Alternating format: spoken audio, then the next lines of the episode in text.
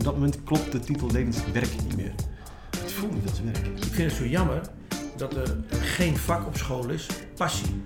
Hoe kunnen jonge mensen nou leren waar echt hun passie ligt? Het is niet dat je het vindt. Vind je passie. Laden opentrekken, hopen dat er iets van passie in ligt. Je, je ontwikkelt het. Je, je gave is je plicht. Doe daar iets mee. Dan, dan, dan ben je niet alleen een cadeau voor jezelf, maar ook voor je omgeving. Welkom bij Levenswerk, een podcast met inspirerende verhalen voor en door de arbeidsmarkt. Wil je een beeld bij deze inspirerende aflevering? Bekijk hem dan via www.personato.nl/slash levenswerk. Iedere aflevering neem ik ruim de tijd om twee spraakmakende gasten te leren kennen en te achterhalen hoe zij van een persoonlijk doel hun levenswerk hebben gemaakt. Vandaag ga ik het gesprek aan met een echte verbinder. Met zijn visie op relatiemanagement, zijn creatieve mindset en het motto The Only Way is Up heeft hij zichzelf, het bedrijfsleven en de voetballerij op de kaart gezet. Nu timmert hij aan de weg als algemeen directeur bij NEC Nijmegen. Welkom Wilco van Schaik. Dankjewel. Naast hem op de bank zit Nederlands meest gevraagde en hoogscorende Belg op het gebied van zakelijke creativiteit. Met kleurrijk en divers cv heeft hij uiteindelijk weten te ontdekken waar zijn hart ligt. Het creatieve denken. Welkom Karl Raats. Dankjewel. Super, super, super. Karl, welke definitie is voor jou, eh, of wel- welke, welke definitie hang jij aan levenswerk voor jezelf? Oh, dat, dat, dat, dat, dat gaat nooit vaststaan, denk ik. Ik denk dat dat een soort van eh, levenswerk, het zit er ook een beetje in. Het is een leven lang en het, en het is een werkwoord. Het, het blijft evolueren, denk ik. Dus op het moment dat je denkt dat je er bent, dan is het afgelopen. Ehm, op een of andere manier. Dus ik, ik zou het niet willen vangen in een definitie, maar eerder in een soort van een metgezel die, met, wie je op reis bent. En af en toe eens in de ogen kijkt en zegt van, ah, klopt het nog? Ah, beetje meer naar links, beetje meer naar rechts. En, en, eh, en op die manier gewoon eh, weer lekker verder dendert. Af en, af en toe de pauzeknop indrukken en eens, eens, eens kijken of het kompas nog klopt. Dus eh, ik zou het niet willen vangen in een definitie als je het niet erg vindt. Heel goed, heel goed, heel goed. Welke, hoe werkt dat voor jou? Kun jij er een eh, begrip eh, uitleg aan geven? Nee, ik denk dat je me dat moet vragen als ik, eh, hoe raar het ook klinkt, als het klaar is met me, als ik overleden ben. Uiteindelijk is dat denk ik wel je levenswerk wat je achterlaat, zo zie ik het een beetje. En dat kan ik nu nog niet omschrijven. Ik hoop wel dat ik straks wat achter kan laten en dat ik iets betekend heb. Ja. En daar zit het meer voor mij in, alleen dat is wel een weg, wat Karel ook zegt, die we nog aan het afleggen zijn.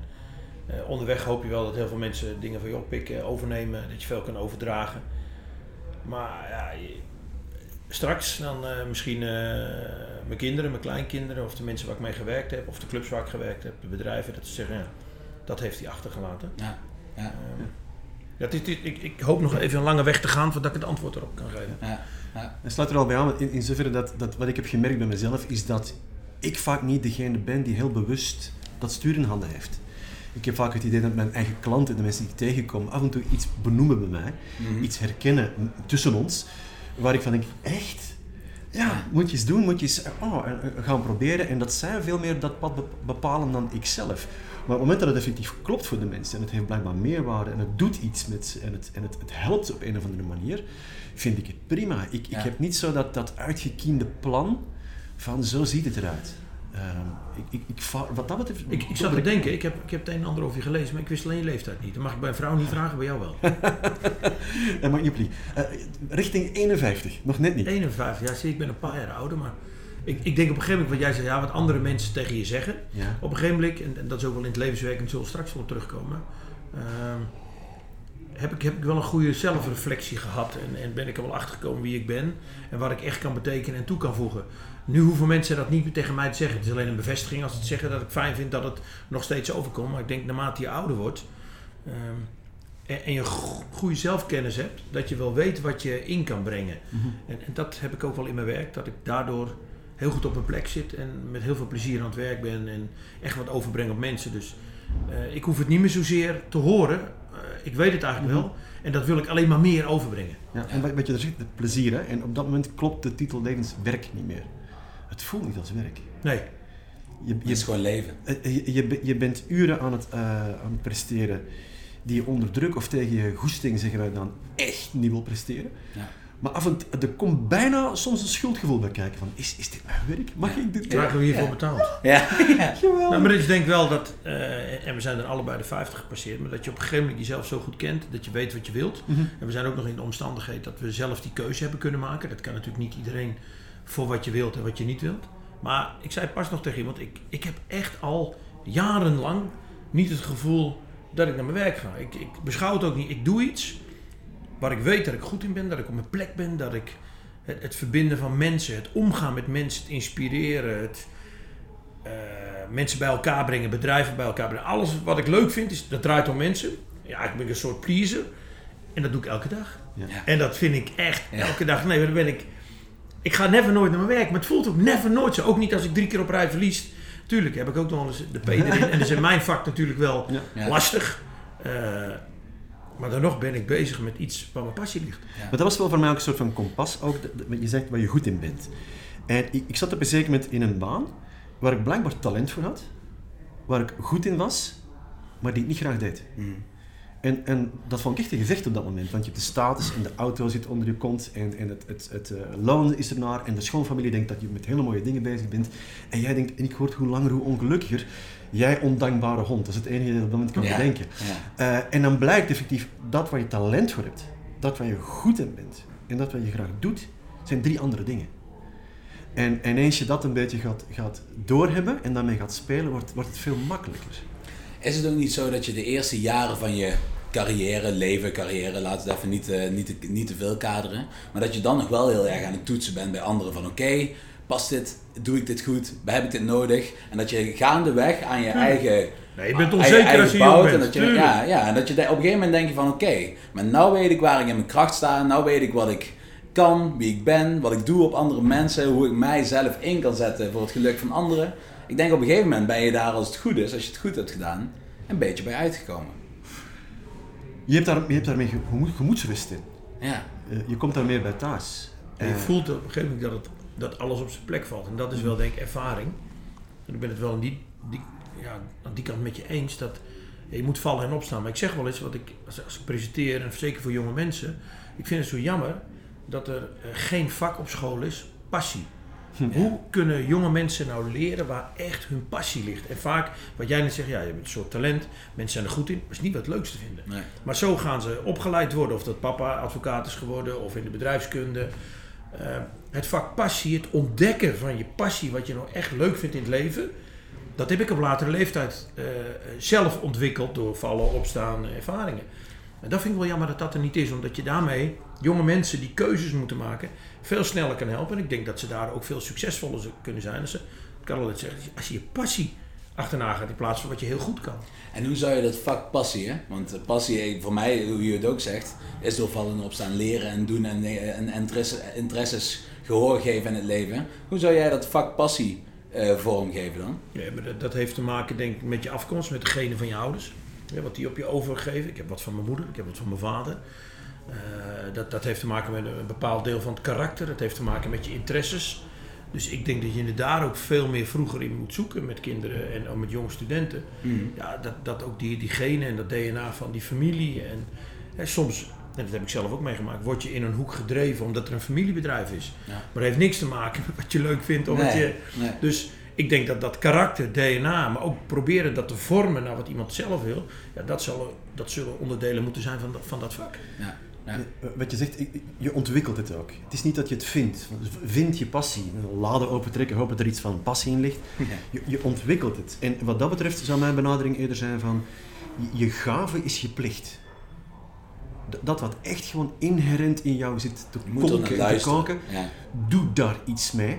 Niet alleen voor jezelf, maar op het moment dat je er zelf ook aan gaat kneden en struikelen en vallen en jezelf twintig keer tegenkomen en terechtkomen, dan, dan, dan ben je niet alleen een cadeau voor jezelf, maar ook voor je omgeving. Ja. Andersom, als jij er niet in slaagt om een plek aan te komen waar dat mag gaan leven en gaan woekeren, ben jij niet de enige die verliest. Maar Ja. al diegenen om jou heen zullen nooit het voorbeeld zien van hoe het ook voor hen zou kunnen werken. Ja, ja, Dus, ja. dus je gave is je plicht. Die is een hele mooie, die ga ik onthouden. ja. Vind ik Want ook dat mooi. vind ik ook echt wel eh, om het weer over te geven aan andere mensen. En, en met je gave ook iets te doen. Ik vind het leuk om mensen te inspireren, mensen te ontwikkelen, mensen uit te dagen en mensen beter te maken. En uiteindelijk daarmee mensen plezier in het leven te geven. En dat Ja. kan natuurlijk op het werk, dat kan met klanten, dat kan thuis, dat kan met mijn beste vrienden. Ja.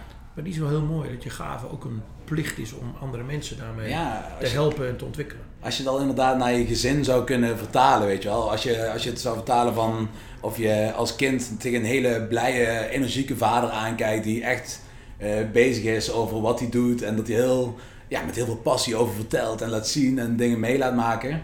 Ja, dat is heel iets anders dan iemand die al 40 jaar naar dezelfde werkplek gaat, eigenlijk met een sick en leeft na het weekend waar hij dan eigenlijk moet bijslapen. Weet je, een hele andere context in één keer. Dat kun je in hele grote groepen, zoals misschien dadelijk al voor zo'n club, uitstralen naar wat jouw passie is. Nou, dan gaat de rest daar misschien ook in mee.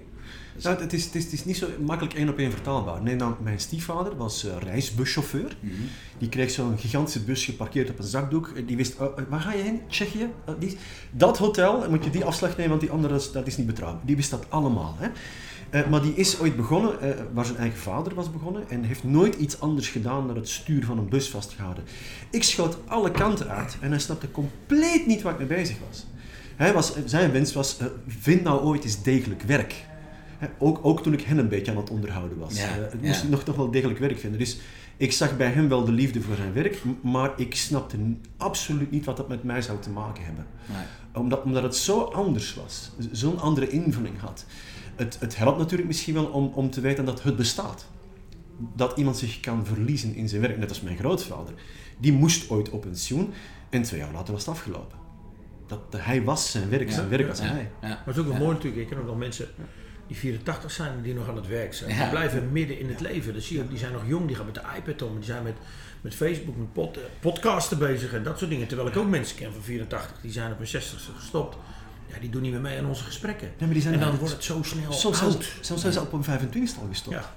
Ik, ik vind dat zo erg. En ik, ik wil geen waardeoordeel uitspreken over, over, over die mensen. Maar een, een hele tijd terug zit ik op een, op een eh, bijeenkomst waarin we in gesprek mogen gaan met hoe mag jij creatief bijdragen aan je werk. Er zit een, wat man, een man een beetje grijzend in de hoek en ik probeer die te betrekken. Ik zeg, en nu meneer? En hij zegt van, oh nee, ik ga binnenkort met pensioen. Dat is, eh, is voor jonge mensen, is niet meer voor mij. Ik zeg, oh, Ja. en plannen? Nee, niet echt. Zeg maar, u kijkt er wel naar uit. Ja, absoluut. Zeg, en wanneer is uw pensioen dan? Over zeven jaar al. Ja, ja, ja. Ja, en, en dus je, je was dus een man die de beste uren van zijn dag en de beste jaren van zijn leven met de knop op uit zat te wachten op alles beter dan dit. En als het een bewuste beslissing zou zijn geweest, dwong het nog respect af. Ja. De kans is groot dat het ergens een soort van hellend vlak is geweest, waar hij zelf compleet geen weet van had of invloed op had. Ja. En ik vind dat zo sneu, dat, dat er is een soort van oorlog tegen werk bijna. Aftellen naar, je pensioen. Zo snel mogelijk niet Maar meer dat soort werk mensen moeten. zouden dus geholpen zijn als ze Oh. vroeger ergens Misschien onderweg. Ja. Ja. Eh, Ja. over passie Ja. en wat wil je echt. En Ja. dat ze dat meenemen de rest van hun leven. Dat je in het begin van je carrière moet gaan starten, dat je werk moet gaan doen, dat je ervaring moet opdoen en dat je dat in de hoek doet waar je voor opgeleid bent. Maar als je onderhuids weet waar je passie ligt, kun je in besturen, kun je vrijwilligers werken, dan kun je daar wel mee ontwikkelen. Dat soort mensen zouden misschien wel geholpen worden als ze nou eens wisten wat echt hun passie was. Want deze man weet dat ook niet. Ja, die gaat misschien kaarten of die houdt van voetballen. Maar dat is niet je echte passie. Dat zit veel dieper. Dat zit achter je borstbeen. Ja. Wat drijf jij nou echt in deze wereld? En dat, maar dat is, dat is echt een, dat is gewoon een verdomd moeilijke vraag. Dat is echt een heel moeilijke Ja, vraag. maar dat, wij hebben er ook lang over gedaan om op, het moment dat je erin zit, spreekt het voor zich. Maar van zoek je passie, vind je passie, ontwikkel je passie. Maar dan moet je Je dus ziet- bij geholpen worden. Je ziet dus Ja. gewoon mensen Ja. helemaal blanco gaan. Ja. En, en wat ik daar als, als, als stap, ja, stepping stone, als, als, als laddertje, als voetje lichten bij, bij, bij meegeef, is, is van bijvoorbeeld, ehm, als je een, een droom hebt, weet dan dat jij die droom niet hebt, die heeft jou. Die heeft jou uitgekozen, omdat hij weet dat jij het in je hebt om hem tot werkelijkheid te kneden. Mhm. Mhm. En als jij denkt dat je tekort komt, word dan die persoon waarvan die droom zegt, zie je wel? En als je geen droom hebt en geen passie, werk dan aan jezelf op een manier waardoor een stel dromen zeggen, die gozer zit lang te moeite om te pakken te nemen. Die valt. Ja. Ja. Ja. Ik, ik heb ooit, ik weet niet, Bill George? Amerikaanse goeroe ook op leiderschap en persoonlijkheidsontwikkeling. Ehm, toen ik in between zat tussen FC Utrecht, eh, zes jaar heel intensief bij een voetbalclub.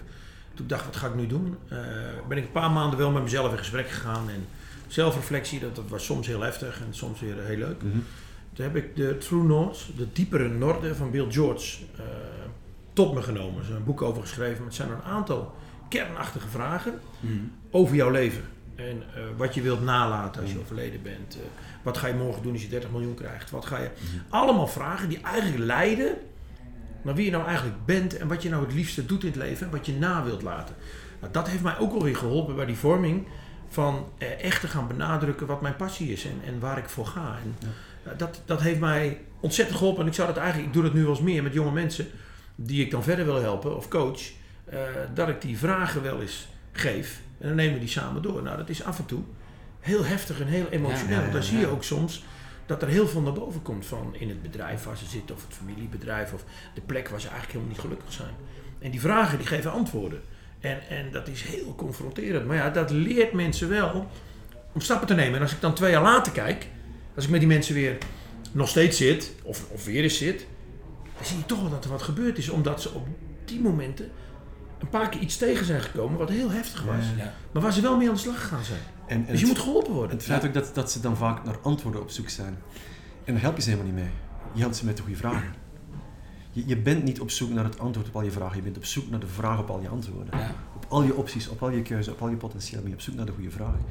En, en, en zo- zo'n boek kan ongelooflijk eh, helpen. Bij mij was dat op een zeker moment iemand die mij ook in een interview begon. En het was meteen het einde van het interview. Wat belichaam jij? Wak! En je voel, ik voelde aan elke vezel, hier ben ik een jaar of tien zoet mee, met, met die vraag. En dan Ja. weet je dat je de juiste vraag te pakken hebt. Omdat je, ik noem dat een mondhoekvraag. Je hebt niet meteen een antwoord klaar, maar onhoudbaar krult er op zijn minst één mondhoek de hoogte in. Ja. Verrek, dat is een goede vraag. Ja. ja. En die gaat aan je, aan je duwen en trekken. Maar en, dit zijn vragen die, heerlijk. die, jonge mensen ook moet vragen. Daar moet je ze ook bij helpen. Dus daarom denk ik echt wel dat, dat het heel moeilijk is voor jonge mensen sowieso al als ze naar een mbo of een hbo of een universiteit gaan. Al die keuzes die ze moeten maken en waarop wordt dat gebaseerd. Maar ook daarna in een verdere carrière, het begin van die carrière, als ze 30 zijn, als ze 40 zijn. En het helpt ook altijd, eh, wat ik altijd zeg, om open te staan. Eh, Wat mij heel erg heeft geholpen in mijn ontwikkeling van mijn carrière is nou, dit soort momenten van zelfreflectie, zelfkennis. En daar zat ik ook even diep. Maar ook door open te staan, door te luisteren naar mensen die er geweest zijn waar ik graag heen wil. Want die hebben die weg al afgelegd. En, en eh, ik, ik ben zelf een, een MBO-student, ik heb nooit gestudeerd. Eh, eh, noem ik me wel een student, een MBO-student, maar ik heb nooit gestudeerd. Dat is toch de wens, de vader van de gedachte. Maar, eh, ik, ik heb ooit MAVO en MBO gedaan, maar door heel veel met mensen te praten die daar geweest waren waar ik zo graag naartoe wilde, kreeg ik aan de ene kant deels reflectie van, dat doe ik eigenlijk al. Ik doe het dus eigenlijk best wel goed. Dus krijg je zelfvertrouwen. En soms pikte je daar weer dingen van op die je toepaste. En dan ging je groeien, ging je beter van worden. En dat heeft mij in dat hele proces van op zoek gaan naar je passie, aan de inhoudelijke kant ook wel heel erg geholpen op die weg. Ja. En vaak weet je het ook al wel hoor. Bij mij was er bijvoorbeeld, en bij heel veel mensen om me heen, eh, is er toch een beetje die persoonlijke crisis nodig om je dan die extra duw te geven. Ja, als, als je naar tien mensen op zoek gaat van wie je zegt, die hebben een wending genomen in hun leven, die hebben een beslissing genomen waarvan je denkt van wauw. En je gaat doorvragen, wat was dat moment? Is dat 9 van de 10 een of andere crisis? Het Ja. bedrijf ging failliet, de relatie liep stuk, het kind werd ziek, noem maar op. Ja. En het was geen oh, leuke oefening die we ooit nog wel eens zouden maken, niet dus, Ja. naar nu iets mee doen of Ja. echt in de problemen komen. En dat was bij mij net zo. Echt in, in het midden van een grote arbeidscrisis is die klik bij mij gekomen van ja, al die leuke plannen. En nu? En achteraf bekeken was, was dat crisismoment het grootste voorrecht waar ik nooit om gevraagd had. Tja, ja. Ja, maar dat, dat, het komt vaker terug in deze podcast Ja. in meerdere afleveringen. Het gaat echt om het stukje, als jij zo'n crisis meemaakt, dan is dat vaak of op mentaal vlak, Ja. of op sociaal vlak, of fysiek. Je krijgt een blessure waardoor je lang uit de relatie ligt. Dat zijn de momenten dat je weer opnieuw gaat kijken van wat heb ik nodig om weer in die balans te komen, om daarin terug te komen. En misschien wel verder dan dat ik ooit geweest ben. Ook de onderneming die ik dan heb gehad eh, met degene die hier nou ook de podcast managt. Eh, we hadden, op een gegeven moment wilden wij een kledinglabel starten. Nou, ze wilden creatief zijn, wilden eh, meegaan met, weet je, we wilden het ondernemen voelen, de vrijheid voelen. En op een gegeven moment hadden wij vier mannen, ja, jongens uitgekozen die echt hun eigen ding aan het doen waren. Het was een DJ, het was een barber uit Engeland die in Nijmegen toevallig zijn eigen business op heeft gezet. Het was een festivalorganisator die nou landelijk, omdat hij altijd achter de bar stond in de Veronica op Mallorca, noem het allemaal. Hij heeft altijd daarna geluisterd wat hij wilde. Ook die passie die straalde van die gasten af. Daardoor, om daarvan te leren, hebben wij eigenlijk ook ja, hebben wij geleerd dat wij echt naar onszelf moeten luisteren en moeten kijken waar wij nou mee bezig willen zijn. Ja, en dat, dat is de grootste leerschool. Ik ben zelf ook een MBO-student. Ik heb eh, zelf ook geen HBO, wel aan begonnen. Vond ik allemaal niet interessant. Te veel onderzoek doen naar dingen die me niet interesseerden. Maar deze dingen zelf opzetten, eh, die interesseerden me wel heel erg. En dat, Ja, op een gegeven moment zijn dat ook de momenten dat je inderdaad keuzes gaat maken naar de, en te kijken waar, wat je verder brengt. Beste bedrijven worden ook geboren uit frustratie of Mhm. in crisistijden. Ja, Eh, ja. neem, eh, wat was het, EasyJet, die Stelios, die zat in een vliegtuig en die irriteerde zich kapot hoe hij daar zat, hoe duur het was. En die zijn eigen vliegtuigmaatschappij begonnen. Ja. Zo begint het natuurlijk met Coolblue en al dat soort dingen. Ja, dat begint uit irritatie, frustratie of een crisis. Ja, Dus ja, dat, dat brengt heel veel. Dus je moet blij zijn af en toe dat er een crisis is in je leven. Dat je die meemaakt, En ik ja. vind ook dat wij, dat zeg ik ook altijd, mensen zijn enorm veerkrachtig. Hè, want wij overkomen eigenlijk elke crisis. Of het nou ontslag is. Ik heb ook wel eens gehad dat mijn grootste klant wegging. Eh, zelfs de dood hè, van, van nabij. Maar elke keer komt de mens eroverheen. En wij zijn zo veerkrachtig. En dat zeg ik ook al Mhm. bij ons in de organisatie. Ook toen na de degradatie, toen ik binnenstapte. Of als wij weer een keer niet gepromoveerd waren in die laatste jaren. Ja, kom op, eh, weer omhoog staan. En op dat moment denk ik, me, ja, dit gaat nooit meer goed komen. ja. Mhm. Klanten lopen weg, dat gaat nooit. En dan de veerkracht. En dat zien mensen ook nu. En ook de jonge mensen in onze organisatie. Ja, je kan veel meer aan als mensen. Mensen Ja. zijn zo veerkrachtig. Ja, ja. Van Dat, dat, dat luisteren wat je zei, dat, dat sluit er mooi op aan. Want het is niet alleen luisteren naar gewoon dat wat je drijft, maar ook luisteren naar dat wat je tegenhoudt. Maar niet om het te gehoorzamen. Want je hebt ook dat stemmetje op je schouder, doe nou niet, kijk uit, oh, dat gaat fout lopen. Die, die saboteur die op je schouder van allerlei ligt in te fluisteren. Wij maken soms de fout dat we niet naar dat stemmetje luisteren, maar het blindelings gehoorzamen. De kunst is om even dat aan te kijken. Wat, wil je me nou eigenlijk vertellen? Want dat stemmetje heeft het goed met je voor. Even daarachter. Ja, achter wat, vraag. wat, we- en je even in het gezelschap, als we als een podcast gaan zitten van, vertel eens, wat wil je aan me kwijt? Ja. En dat hij dat dan vertelt, dank je wel. Met deze info kan ik iets. Ja. En ik neem nu weer de beslissing, ik neem nu weer de regie over van, van mijn eigen verhaal. Positief denken, hè? dat is ook... eh, eigenlijk zet jezelf je mind. En uiteindelijk moet je thuis een keer tegen jezelf zeggen. En je gelooft het in het begin niet. En, en dat is ook soms in, in een stukje ontwikkeling naar mensen toe. Dat ze denken, ja, nee, dat lukt niet. Ja, als jij dat zo gaat zeggen, lukt niet, lukt het ook niet. Maar als jij op een gegeven moment het gaat geloven. En dat is ook, dat is voor mensen ook wel wennen. Dat je echt in jezelf gaat geloven, in je, in, in je beleid en in je visie, ook, ook in je werk. Maar dan moet je honderd keer tegen jezelf zeggen dat je het kan. Dat stemmetje zegt namelijk eh 98 keer dat het niet kan. En dat moet je overwinnen. En veel mensen geven gevolg aan een stem of aan een gevoel wat er al lang is. En dat is ook wel een proces om daar tegenin te gaan. Om het even te accepteren en dan weer je eigen weg te vinden. Ja, dat zeker. is echt mindsetting. Ja, bij, mij, bij mij was het wel, ik, ik ben absoluut niet met een overdosis zelfvertrouwen geboren. Integendeel. Wat er bij mij is gaan helpen, is om bewust de beslissing te nemen te geloven in mijn publiek. Of dat nu op een podium is, of een, of een, een klas, of een lezerspubliek, of wat dan ook. Dat ik ben hardop gaan beginnen me afvragen, hebben deze mensen, heeft deze persoon, heeft deze organisatie het in zich om met wat ik kom aandragen iets constructiefs te doen. Om daarmee op pad te gaan, om, om, daar, een, om, om daar gewoon een verschil mee te maken. En is het antwoord daarop nee, ga dan niet op dat podium staan. Nee. Maar wat probeer jij met een lezing en dergelijke, wat hoop jij dat je overbrengt? Laat me even, even die gedachte afmaken, Ja. anders, anders blijft Oké. het hangen. Dus de truc was voor mij van, op het moment dat ik beslis te geloven in mijn publiek, straal je dat ook uit elke vezel uit. En zo krijg je het ook weer terug. En gaat die, die mindset is een soort van positieve feedback die je krijgt.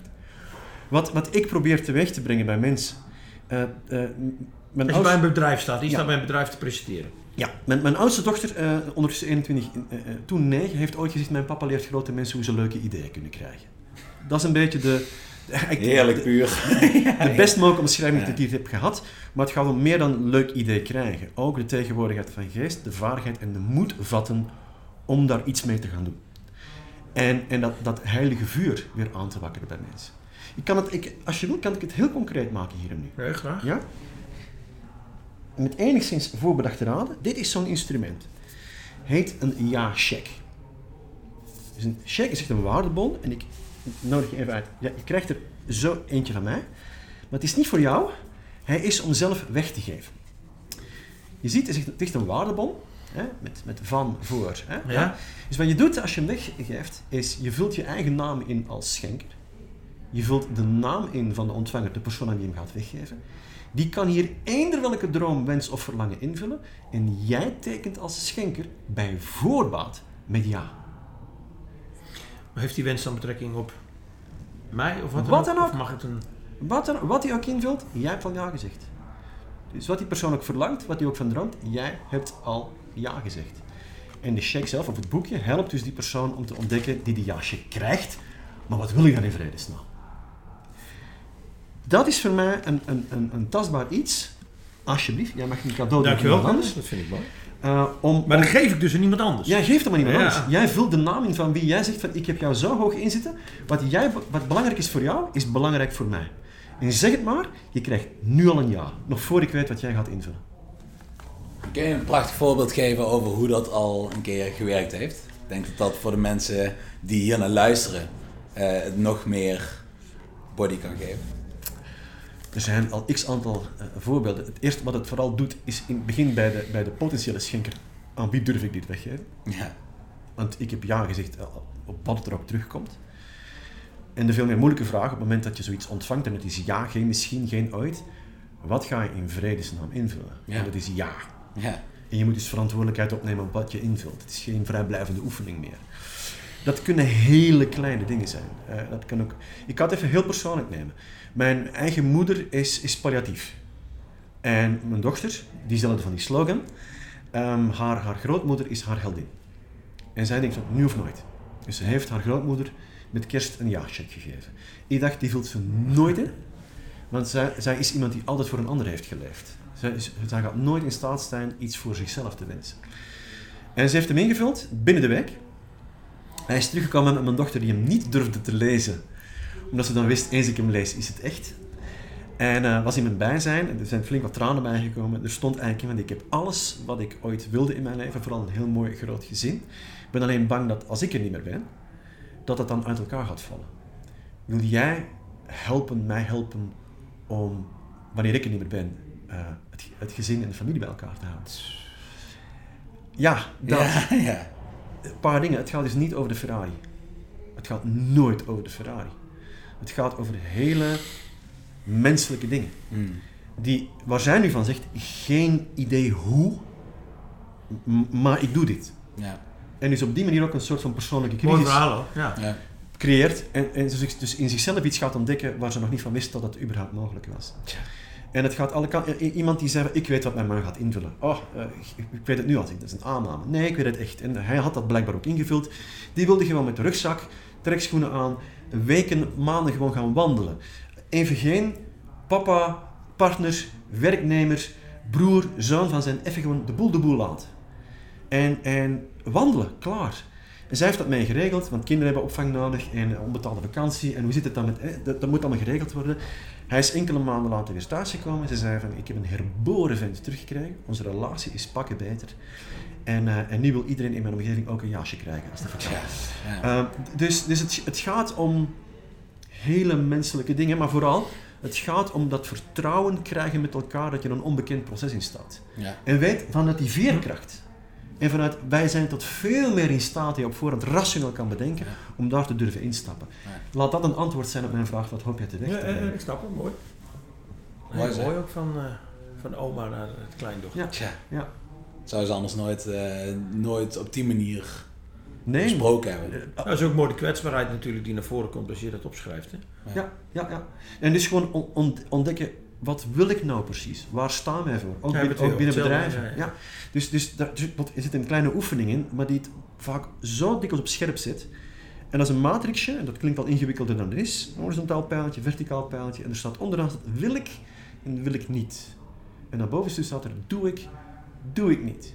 En dan krijg je vier kwadranten, zoals het gaat met zo'n matrix. Linksonder, wil ik en doe ik. Dit is mijn ja, hier sta ik voor. En daar komen de wilkels deze wereld, eh, hu- huppen daar in bed vooruit. Hè? Re- rechtsboven staat, wil ik niet, doe ik niet. Dat is mijn streep in het zand. Ik, ik wil dat één keer uitleggen waarom niet, maar weet dat. Ja.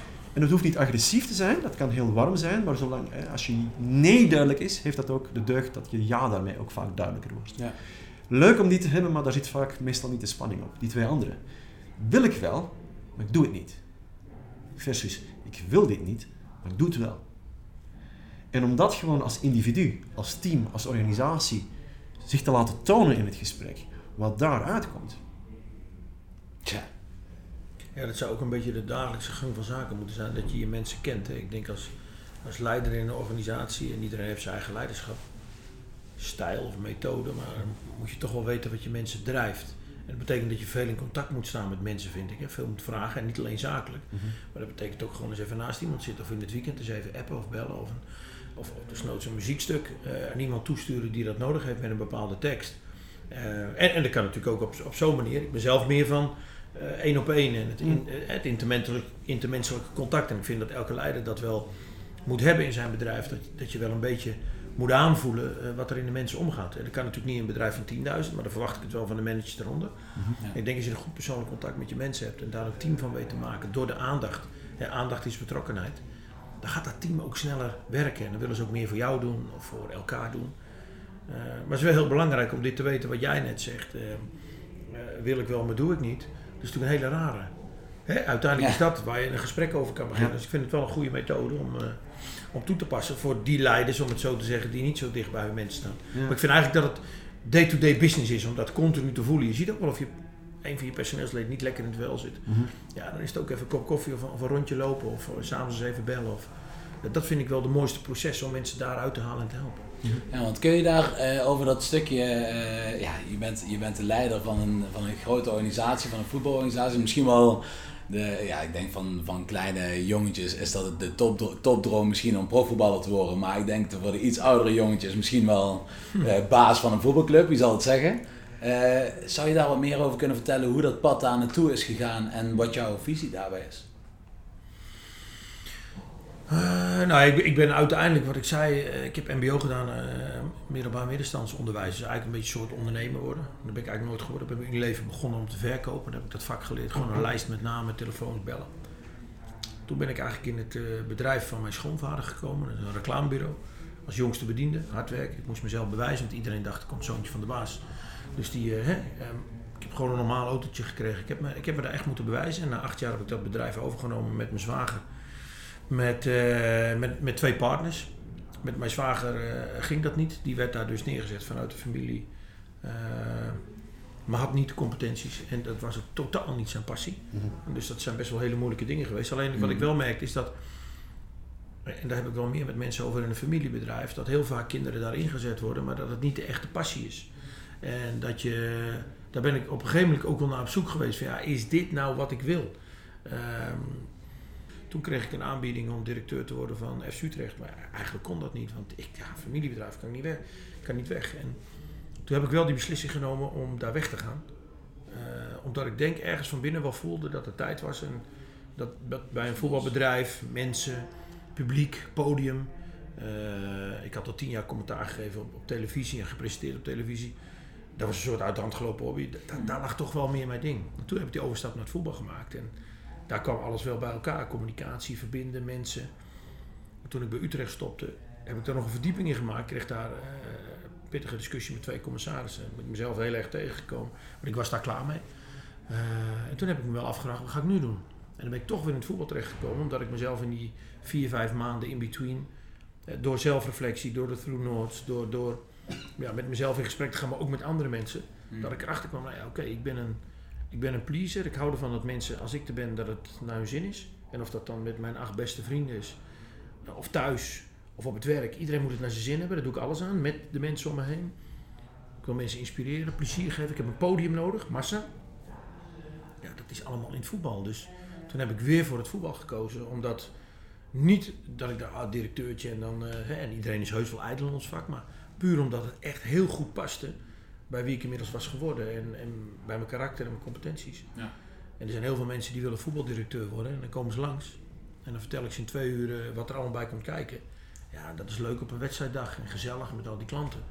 Maar tussendoor gebeurt er veel meer en je bent op zoveel terreinen aan het schakelen. Ja. En zoals vorig jaar dat er bij ons een tribune instort en uh, dat er een veldslag buiten plaatsvindt, ja, dan worden er andere competenties gevraagd. En, en uh, ja, dat vind ik wel de mooiste momenten, want dan kun je echt verschil maken. Dan kun je laten zien wie de leider is en wat je kwaliteiten zijn. Dus ik geniet ook wel op dat soort momenten door de ellende heen. Ja. Maar het is een hele weg die, die vooral ook het loslaten. Dat is een heel belangrijk moment in mijn leven geweest van de familie in het familiebedrijf. Dat durven. Uh, echt voor mezelf kiezen. Voor mijn eigen geluk en ook voor mijn eigen kwaliteiten. Mm -hmm. Het is natuurlijk heel heftig om naar de familie toe te gaan en te zeggen: Nou, ik laat het bedrijf los wat de familie eigenlijk groot gemaakt heeft en wat zeer succesvol was. Uh, Dat is een hele belangrijke geweest, denk ik, in mijn ontwikkeling. En de tweede is dat ik bij Utrecht stopte in het voetbal. Mezelf tegenkwam door met mezelf in gesprek te gaan, zelfreflectie. En dat ik er toch weer voor gekozen heb, omdat ik wist, ja, dat zijn mijn kwaliteiten. Ja. Dus die, Ja. twee, die twee dingen hebben mijn leven wel beïnvloed, zeker zakelijk. En dat is ook die weg waar ik nu sta. En dat ik, dat ik nu niet naar mijn werk ga, maar dat ik het leukste doe wat ik, wat ik het leukste vind. Hey Carl, eh, wat wilde jij vroeger worden? Ik, ik had daar geen beeld bij. Mijn, mijn beste vriend is piloot. Die wist al van zijn zeven dat hij piloot ging worden. En ik was helemaal echt gewoon stokstijf, stik jaloers op, op die focus, op die helderheid. En ja, die is er ook gewoon geworden. Ja? Ja. Ik had geen idee. Ik, was, ik, ik, ik zou kauwen en, en op dat moment nog niet beslist hebben, ga ik slikken of niet. Eh. Dus ehm, ik, ik ben begonnen als journalist. eh, omdat ik vooral dacht van journalisten die komen op plekken. Die zien mensen, die zien eh, eh, dingen. Misschien kom ik wel iets tegen dat ik leuk vind. Eh, er is toen iets gaan ontstaan in die tijd dat eh, internet heet. En ik dacht, heel, oh, die oude klassieke media en die nieuwe media, daar is iets voor te vinden. Bij een internet service provider gaan werken om daarmee zo content te gaan creëren. Eh, allerlei dingen doen nog v- voor er Facebook was, voor er YouTube was, voor er zelfs gaming was. Daarmee aan de slag gegaan. In de marketing terechtgekomen. Daar mezelf tegengekomen als in talent goed, maar niet graag doen. Ja, ja. Even pas op de plaats maken in het onderwijs. En, en, en dan zo even de vraag gaan stellen van, oké, wacht, momentje. Wat is de verbindende factor in vredesnaam tussen journalistiek, marketing en leerkracht zijn? En dat was voor mij moeilijke materie behapbaar krijgen, zodat jouw doelgroep daar iets constructiefs mee kan. Dat is nog heel vaag, maar voor mij klopte dat wel. En ik ben toen op zoek gegaan naar, zijn er geen systemen, geen, geen stappenplannen, geen methodieken om, om dat bewust te gaan doen? Om moeilijke dingen behapbaar te krijgen, zodat jij er iets mee kan. Eh, ik ben toen als bij toeval bij het creatief denken uitgekomen en dat was echt, dat is de professionele liefde van mijn leven tegengekomen. Dat is een driedaagse cursus eh, voor het toenmalige Centrum voor de Ontwikkeling van Creatief Denken. En eh, ik was de enige Vlaming in een, stel, eh, bij een stel Nederlanders. En ik vond dat ik mij heel stoer moest houden bij de Vlaamse trainer. En die zei, wat, wat wil je eigenlijk zeggen? Nou, als, het bij een beetje meevalt, wil ik daar misschien wel mijn werk van maken, zei ik met heel veel eh poeha. En eh, dag drie komt hij naar me toe en hij zegt, heb je even tijd? En hij heeft A4'tjes volgeschreven. Met, je hebt toen dat gezegd en toen dat gedaan, zo gereageerd, daarop ingespeeld, dan heb jij daar, was je stil. En hij had allerlei observaties, had hij bij zich. En op het einde van zijn betoog zei hij, kortom, eh, welkom in dit vak, collega. En dat was echt een bliksemschicht door mijn lijf, want, want ik, ik, ik wist dat dat klopte. Ik had alleen geen idee welke vorm het moest gaan krijgen. En dat is in, de weken en de maanden erop is, is dat zich gaan ontvouwen. En ben ik mensen en organisaties tegengekomen waar dat een plek kon krijgen. Maar het was... Ik, ik voel mij gezegend. Ik ken geen beter woord om dat zo te zeggen. Door de, de, de, de helderheid van geest, de tegenwoordigheid van geest van, van Marcus toen. Die die vraag had gehoord, daardoor kon kijken en daar zo waar mee een antwoord op geformuleerd had. Ja. Ik was misschien ook op dezelfde plek uitgekomen, maar nooit met de snelheid en met, met, met, met de, de, de plotse helderheid van geest als toen dat moment. Ik ben hem zo schatplichtig. Dat wil je echt niet weten. Ja. Dus, dus het, is, het is geluk. Het is ook gewoon jezelf in vraag blijven stellen en blijven keihard werken. Maar het is ook gewoon gratie mogen ontvangen van, van mensen die iets in jou zien en die gewoon het lef hebben, de moed hebben, de tegenwoordigheid van geest. En zeggen van, doe man. Ja. Ja. let's Ja, go. dat. Ja. En, en daar gewoon al zijn leven ongelooflijk dankbaar voor zijn en blijven. Dat ook. Mooi, mooi. Echt mooi. wel. Hey mannen, we hebben heel veel besproken en eh, volgens mij mogen we een, een beetje naar een afronding toe werken. Ik heb ook nog wat stellingen voorbereid. Mm. Eh, nou, Zo, nou wordt het spannend. maar ik heb er een paar, want ik wist niet waar. Ja, jullie gesprek gaat natuurlijk heel. Volgens mij hadden we hier nog twee uur kunnen zitten. Dus ik ga er even eentje uitkiezen die, eh, die, die, die- ja, die ik toch wel graag wil stellen. En eigenlijk wil ik jullie vragen om heel even de bordjes voor die kijkers mee te pakken. Want anders dan gaan jullie dadelijk elkaar een beetje nadoen. Dan ben ik daar ben ik niet zo bang voor bij jullie. Maar eh, eh, ik wil Kijk, jullie het is wel mooi trouwens. Ik zie jou ook draaien, maar ik draai deze naar mij. En jij ook eigenlijk. Ja, Want dit vinden wij toch... Dat klinkt niet echt goed, toch? Tja. Oneens. oneens. Ik, ik draai echt... Ik denk, nou, dit past beter bij mij dan... Echt, toch? Ik zie hem dat ook doen. Eens en anders, anders verzin ik er wel een Ja, reden voor. ja. ja, ja. Hey, ik ga hem even stellen. Eh, binnen, de gebaan, binnen de gebaande paden creëer je geen succes. 3, 2, 1. Oneens en eens. Ben ik even benieuwd naar de oneens. Bepaal eerst wat succes is. Voor mijn stiefvader was dat op je 16 een bepaalde werkplek binnenkomen, daar je hele leven blijven en gewoon voor je gezin kunnen zorgen binnen een heel voorspelbaar traject. En dat was voor hem succes. Klaar. Dus als het gaat over, ja maar ik, ik wil een hemelbestormer zijn en ik wil de wereld veranderen en ik, ik wil iets, het, nieuwe ding bedenken, dan wordt het lastig om binnen de gebaande paden te blijven. Maar dat is compleet afhankelijk van je definitie van wat succesvol zijn is. True that. Nou ja, ik zeg altijd maar, if you do what you did, you will get what you got. En uiteindelijk moet je, eh, ja, als jij maar tien jaar lang eh, binnen die gebaande paden je, je werk doet. Ik denk dat je altijd op zoek moet zijn, elke dag naar beter. Maar het zit meer in mij en in mijn organisatie waar ik leiding geef, dat ik iedereen uitdaag om elke dag beter te willen worden. Ja. Eh, en dan denk ik dat je af en toe wel van die paden af moet. En ook voor jezelf. Hè, dus niet alleen om het succes van het bedrijf na te, na te streven, maar ook je eigen succes en je eigen ontwikkeling. Ja. Dus ja, en dan, dan daag ik mensen wel uit om die paden te verlaten. Maar het zit ook een beetje meer in mezelf. Dus dat breng Valt er ook met de persoon samen, of dat, de benadering daarvan. Ja, maar ik- allebei een hele mooie heldere uitleg. Gaan we er nog eentje doen? Een stip op de horizon zorgt voor een tunnelvisie. 3, 2, 1. Stip, ja. Eh Wilco, kun jij hem even... Stip op de horizon zorgt voor een tunnelvisie. Ja, weet je, ik heb wel eh, altijd in, in de bedrijven of ook in het voetbal hebben we natuurlijk wel een stip. Maar hij gaat nooit recht. En eh, ik vind ook dat je de stip af en toe wel los kan laten. Want er kunnen allerlei dingen gebeuren. Ja. Ik heb vorig jaar heel veel meegemaakt bij ons in, in, in het bedrijf, in de organisatie. Dan kun je die stip al vast willen houden, maar dat gaat niet. Dus ik denk dat de stip een richting geeft. Maar dat je er niet eh ijzig aan vast moet houden en, en dat dat ook weer ruimte geeft aan creativiteit. Ja. En de markt verandert eh, tegenwoordig zo snel eh, dat bijna plannen op drie of vijf jaar heel moeilijk is. Ja, het wordt steeds lastiger. Eens. Dus Voor jou ook al? Stip op de horizon. eh, t- ja, tunnelvisie heeft misschien een, eh, een wat negatieve connotatie, heeft een, een imagoprobleempje. Eh, want je kan, het, je, je kan het ook beschouwen als, als, eh, als focus. Eh, en- de reden waarom een paard oogkleppen op heeft, is omdat het niet van alles zou schrikken dat eigenlijk niks met, met die weg voorwaarts te maken heeft. Dus in die optiek kan een beetje tunnelvisie geen kwaad, want er is, er is voor mij ook zoveel afleiding Dat is ook over. een soort van focus of zo. Ja, ik- ik, ik, ben, ik ben onmiddellijk afgeleid. Ik ben zoiets, vandaag heb ik fo- Oh, kijk eens, Steenvlok. Dat is mijn geest.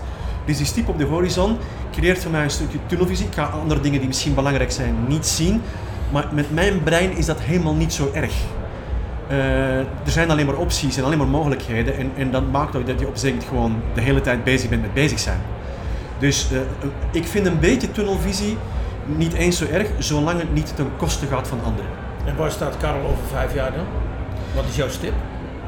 Ehm, wij hebben onszelf, mijn vrouw en ik, de uitdaging gegeven te formuleren wanneer mogen wij met pensioen gaan. Wij willen 1 miljoen mensen in staat stellen de droom van een ander waar te maken. Als je dat voor elkaar krijgt, op, en ik weet nog ook niet zo goed hoe, Hoe, hoe dan, heb, dan heb je je hangmat verdiend. Ook dat is een vraag. Hoe ga je dat te weten komen? Dat weet ik niet. Maar het idee dat je zo'n ripple effect hebt kunnen teweegbrengen, waarbij mensen terug de verbinding aangaan met wat, wie kan ik zijn voor jou, zodat jij tot je recht kan komen. Ik, vind, ik kan mij niks mooiers bedenken dan me daar de komende vijf jaar mee bezighouden. Hele mooi. Prachtig mannen. Mooi. Ik wil jullie heel erg bedanken voor deze podcast. Ik vond het een heel interessant gesprek. Jullie haalden, hadden, haalden ook eh, van alles in elkaar naar boven. Waarvoor dank. En eh, ja, voor de luisteraars tot de volgende keer.